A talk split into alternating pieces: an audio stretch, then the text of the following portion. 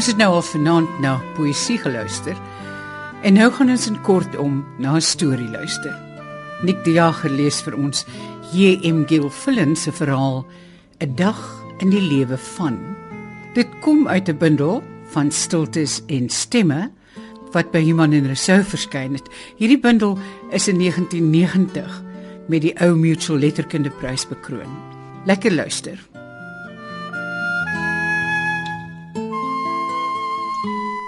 Barnabas Vermeulen kom soos 'n bruid uit sy bed, heeltemal omwaas deur wolke wit muskietnet. Vir 'n oomblik huiwer hy in die skemerland tussen slaap en bewuswording, en dan breek hy deur die sluiers. Die gas wieg stadig terug op 'n vergulde as hoog teen die plafon en sluit weer om die geheimenisse van die sirkelvormige bed. Bani, soos sy vriende hom noem, is nou helder wakker en gereed vir die keuses waarmee elke nuwe dag hom konfronteer. Die klammigheid op sy vel en die onbehaaglike drukkende hitte, ten spyte van die groot waier wat traag onder die plafon wentel, stel hom voor die keuse tussen 'n koue stortbad of 'n paar vinnige hale deur die swembad. Bani besluit op laasgenoemde. daarmee sal hy dan terselfdertyd sy oggendgimnastiek afhandel. Gedagtig aan die oefening wat voorlê, roep hy terwyl hy rats die trappe af beweeg, handdoek om die lyf in die rigting van die kombuis: "Twee eiers, Jakob, met spek." Asof voor 'n gehoor, duik Bani weg in die diep koelte van die poel wat tussen die rotse en varings uitgekerf lê, met elke teken van menslike bemoeienis kunsinnig weggewerk. Hy swem gemaklik en lenig onder water maar hy boet in aan grasie toe hy uiteindelik teen die verste wal uitklouter. Nou is die sponsagtige verdikking om sy heupe sigbaar en sy steeds trotse bene vertoon effens dun teen die opgesette torso. Hy's verbrons van kruin tot toon deur baie ure se geduld langs die poel en die spiere in sy boarms rol gewillig toe hy van pure baldadigheid 'n Mr Universe houding langs die swembad inslaan. Bravo, bravo. Hoor hy die skare gil en met 'n kamme beskeie laggie knoop hy die handdoek om sy lendene en strek aan na die huis. Onderwyl hy deurentyd erkenning gee aan die applous deur kopknikkies in die rigting van die boomvarings en ander sikades links en regs van die tuinpaadjie. Toe hy in die ontbytkamer aansit, die tafel met 'n sobere grasmat en bypassende bruin aardewerk gedek, is hy onaangenaam bewus daarvan dat sy wit syhemp reeds aan sy skouerblaaie kleef. Soos dikwels dink hy aan die offers wat Afrika van die intellektueel eis. En hy drink sy yskoue lemoensap in versoberde stemming. Toe Jakob binnekom, strak ebbehout geklee in krakwit linne en die silwerdeksel van die dienblad oplig, moet hy toegee dat daar kompensasies ook is, want die geur van spek en eier damp weldadig in hom op. Oor die koffie gaan hy die opdragte vir die dag met Jakob na. Ja, dink hy. Die middagmaal moet lig en onpretensieus wees. 'n Spinasiekies met groenslaai is ideaal. 'n Verkoelde soep vooraf en 'n sjokolademousse as laaste toegewing. Gebruik die Artsberg, sê aan Jakob wat met geboë hoof staan en luister. Pink daarbey. Dis 'n jong dame wat kom eet. En probeer in hemelsnaam om blomme uit die tuin te kry. Jy bestel nie weer van die bloemiste nie. Jakob skud sy kop en lag. Met die inkopieles op sy skinkbord vertrek hy na die kombuis. Bani kyk die koerant vlugtig deur en gaan dan na die badkamer vir die finale afronding voor hy gereed is vir sy dagtaak. Na die ritueel van mondversorging volg die klein sproeireën van parfuum, 'n subtiele vermenging van speserygeure met sandelhout en hy's gereed om na die universiteit te vertrek. Sy leertas staan reeds gepak. Leesbril, manuskripte ter keuring, die jongste digbundel van 'n vriend met handtekening op die skutblad, 'n stapeltjie opstelle van studente en sy noukeurig uitgewerkte lesing vir die derdejaars. Terwyl hy behendig in die verkeer invleg, fluit hy 'n maat uit Mozart se derde horingkonsert, wat nou al dae lank in sy geheue vasgewaai sit, soos 'n flarde skaapwol teen 'n doringdraad. Hy skakel die radio aan en die saaklike stem van 'n nuusleser verdryf die gejubel van die strykers uit sy gemoed. Hernuide geweld breek uit op die kampus. Bani luister tot waar hy die versekering gegee word dat die polisie in volle beheer is en toe verloor hy belangstelling. Waarom die studente ook altyd moet betoog en dit terwyl mense soos hy van die beste breinkrag in die land alles veil het vir hulle, sal hy nooit begryp nie. Hy beskou homself as 'n liberale denker, maar in gevalle soos hierdie moet daar sterk opgetree word.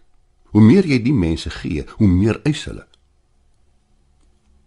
Effens roekeloos swaai hy voor 'n groot vragwa in en die gemak waarmee hy die manoeuvre uitvoer, laat hom van niets af gloei oor sy sandkleurige sportmodel. Hy herinner hom aan die insident enkele weke tevore, toe hy uit suiwer welwillendheid 'n student opgelaai het. Die jong man was nog rou uit die diep binneland en waarskynlik meer vertroud met suikerlorries en spoorwegbusse as met eksklusiewe Italiaanse handelsmerke. Ry geleerde mense altyd in klein karretjies, wou hy ernstig weet, en Bani het bulderend gelag. Naderhand kon hy daarom uitproes: "Ja, met die wysheid kom ook die nederigheid. Jy sal dit nog self ondervind, meneer. Uh, dit is mos memela dan nie?" Hy het homself innerlik gekomplimenteer op sy vermoë om name aan gesigte te verbind en stralend geglimlag met die verleë student wat in sy onkunde daar teen die leerkussings gesit het in sy netjiese bruin broek en gestreepte hempie. Hy sou nog leer van denim. Het dit deur Bani geflits toe hy hom aflaai. Karretjie se voet, dink hy nou, terwyl hy heerlik versnel en speel met die gedagte dat hy tog maar destyds moes toegegee het aan sy skoolseun droom en die vuurwa in knalrooi bestel het. Dan sou niemand dit vir 'n karretjie kon aansien nie. Maar daar is grense, besluit hy, toe hy swerig by sy parkeerruimte inswaai. Saam met 'n koppie koffie bring sy sekretaresse die dag se pos en 'n vlugskrif waarin studente opgeroep word tot bloedige revolusie. We demand participation in our education. staan daar in swart druk. Hy bekyk dit skrams weg en gooi dit dan in die snippermandjie. Mens raak op die duur ook verveeld met dieselfde ou slagspreuke en deklamasies. Met sy papiermes sny hy die jongste Silicon Times uit sy koevert los en verdiep hom in die vakjargon terwyl hy sy koffie stadig en met genot drink. Hy het pas 'n woordverwerker aangeskaf en verkeer nog in die roes van sy eerste verliefdheid. Alles wat hom beter inlig aangaande die wondermasjien, lees hy met groot toewyding. Hy sorg dat hy op die sekonde betyds is vir sy lesuur met die derdejaars. Daar was al kere dat hy feitelik net met 'n koerantopskrif in sy kop voortreffelik klas gegee het. Maar dit was in sy jonger, onverantwoordeliker dae. Vandag is hy soos gewoonlik goed voorberei en oorgehaal vir sy lesing. Hy begin op gewone gesprekstoon, maar weldra laat hy sy ryk bariton styg terwyl die tempo geleidelik versnel. Hy werk op na 'n hoogtepunt en merk met genoegdoening dat die studente gefassineerd na hom staar.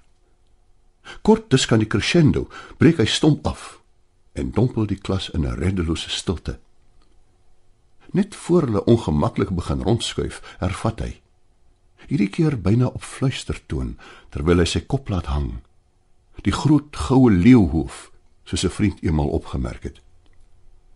Wanneer hy by die gekoesterde aanhaling in Frans uit Roland Barthes kom, rig hy sy oë hemelwaarts en stamel die woorde uit asof in diep vervoering. Toe hy hom weer tot die klas wend, sien hy dat 'n meisie in een van die agterste rye besig is om giggelend aan haar buurman se oor te peuter. "Juffrou," sê stem is 'n sweepslag. Sonder 'n woord fikseer hy haar tot haar parmantige oë voor syne sak. Nou stap hy tussen die rye deur en blaf gebroke sinsnede uit wat dit weet hy baie goed deur niemand gevolg kan word nie. In die middel van sy betoog raap hy sy boeke byeen en verlaat die lokaal perels vir die swyne mompel hy terwyl hy driftig terugstap na sy kantoor asof dit sy fout is dat daardie meisie en al die honderde soos sy 'n gebrekkige skoolopleiding gehad het Bartes sal hy aanbied maar daar kan nie van hom verwag word om hulle nog Frans op te leer nie. Op pad huis toe merk hy dat daar 'n donderstorm aan die opbou is. 'n Goeie bui sal miskien die soel uitbreek, dink hy. En wonder hoeveel tyd hy het voor François met die meisie gaan opdaag. Sy is vroeër in die week deur 'n keurkomitee aangestel. En omdat hy geweet het dat sy langer in die stad sou vertoef, het hy haar vir middagete genooi. 'n Geleentheid om 'n nuwe kollega beter te leer ken, het hy nog gesê toe hy oor haar hand gebuig het. Intussen het hy al sy bedenkings gehad. Aansoekers vanaf die suidelike universiteite lê meestal in 'n een of ander geestelike afwyking en is daarbey onhoubaar meerderwaardig. Gewoonlik het hulle geen aanvoeling vir Afrika nie.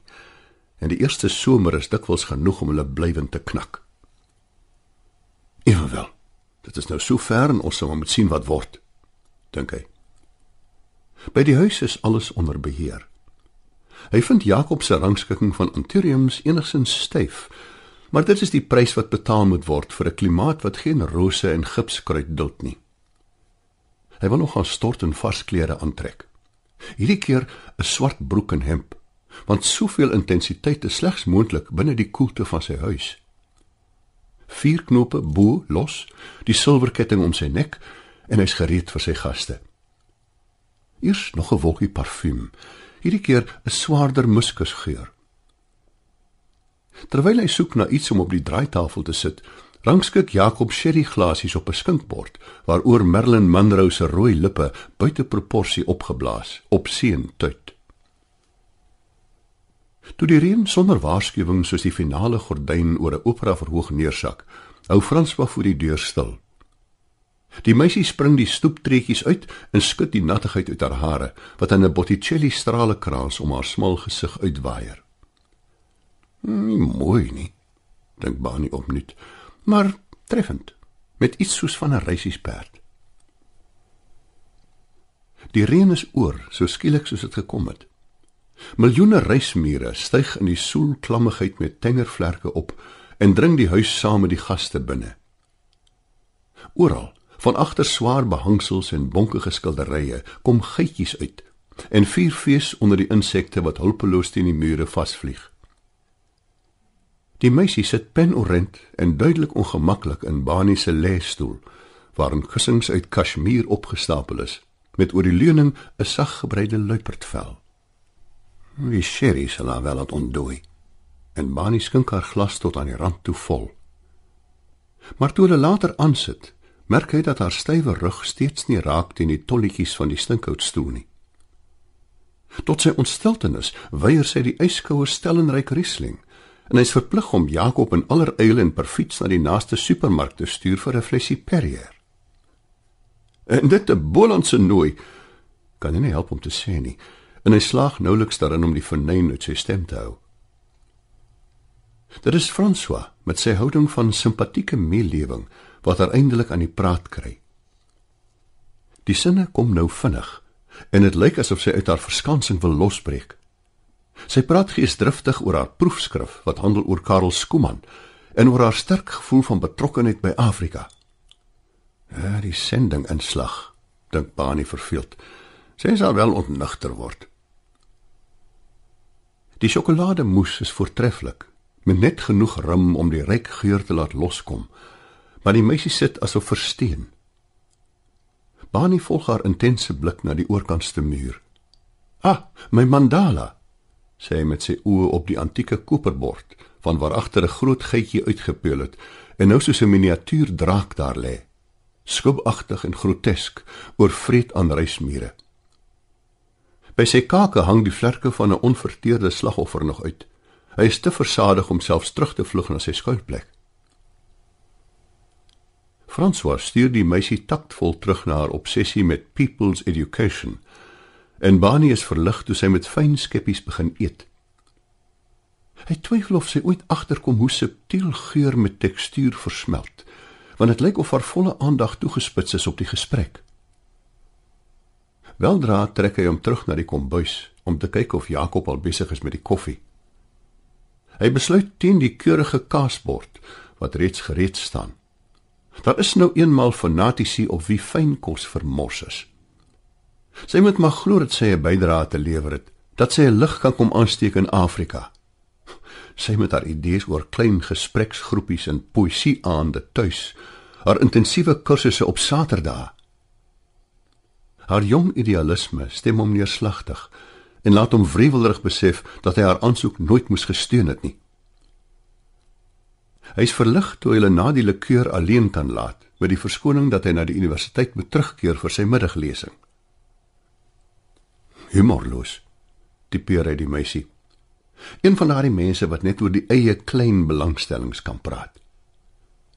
Dit is vir hom bedenklik dat sy so dweep met Skuman, immers reeds passé, en dat sy hom nogal wil verbind aan haar Afrika idealisme.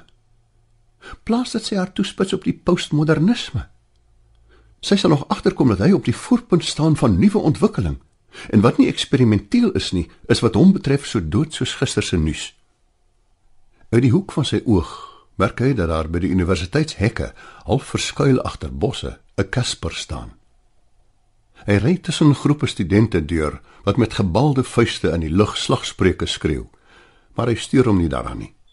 Die toestand is onder beheer. Dit kon hy sien aan die gepantserde voertuig by die hek. Sy lesing verloop vlot. Hy laat hom nie ontsien nie deur die gape en sugte nie. As hulle die teorie bokant hulle vuurmaakplek vind, het hy vrede daarmee. Waaroor hy hom wel erger, is die sweetreuk wat in die lug hang. As hy tot 3 maal per dag kan stort, is dit seker nie te veel verwag van hulle nie, dink hy. Die pleitbesorgers sal weer sê dat hulle nie reukweder kan bekostig nie, maar water is volop. 'n Seep is goedkoop. Hy is bly dat sy verpligtinge vir die dag verby is en hy sien uit daarna om alleen te wees met sy musiek en sy drankie, met net die vertroude geluide uit die kombuis. Jakob wat die aandmaal voorberei. Dit is goed dat hy nie die vars garnale op die meisie vermors het nie en hy hoop dat Jakob onthou om die doppe te verwyder. Hy het nie sin daarin om sterte te sit uitsuig nie. Hy stap vinnig deur die verlate gange. Buite is daar nou heelwat meer studente wat vermoedig rondmaal. Hy wil by die huis kom voor die polisie genootsaak is om in te beweeg met traangas. Aan die boepunt van die trap wat na die parkeerruimte lei, gaan hy staan. Dit is sy motor, sien hy dadelik. Sy elegante sportmodel waarop daar met rooi spuitverf geskryf is: "Barabbas, your hour has come." Hy staan verdwaas en kyk en 'n klammigheid dam in sy oë op. Dit het ek nie verdien nie. Prevel hy terwyl hy terugloop na sy kantoor toe. Nie na 'n leeftyd van diens nie. Sy hande bewe so dat hy sukkel om die deur oop te kry. Eenmal binne, draai hy die sleutel in die slot en word daarvan bewus dat sy gesig nat is. Met 'n sakdoek waarop sy monogram geborduur is, vee hy die emosie weg en gaan sit agter sy lesenaar. Sy bene wil nie ophou ruk nie. Kalm bly, maan hy homself en haal 'n tablet uit die pildoosie van skilpaddop en sit dit onder sy tong. Hy moet François bel om hom te kom haal. Is tog onsinnig om tussen die onstuimige studente te probeer deurbeur na sy moeder toe. Om nie te praat van die vernedering om die betakelde kar te moet bestuur nie. Die gedagte aan die rooi verf wat slordig gespuit is oor die vaartbeleinde klein model laat hom opnuut aan die bewe gaan. Die ontankbare bliksems. Hiervoor sal hulle boet. Hy pluk die telefoon nader.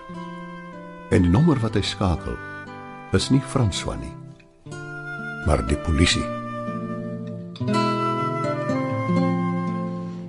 Nik die Jager het vir ons JM Gilfillen se verhaal 'n dag in die lewe van gelees. Dit kom uit 'n bundel met die titel van Stiltes en Stemme van Iman en Rousseau en dit is in 1990 bekroon met die ou Mutual Letterkunde Prys. Van my, Margot Luit, alles van die aller aller allerbeste. Tot volgende keer. Mag dit met ons almal goed gaan. Totsiens. thank you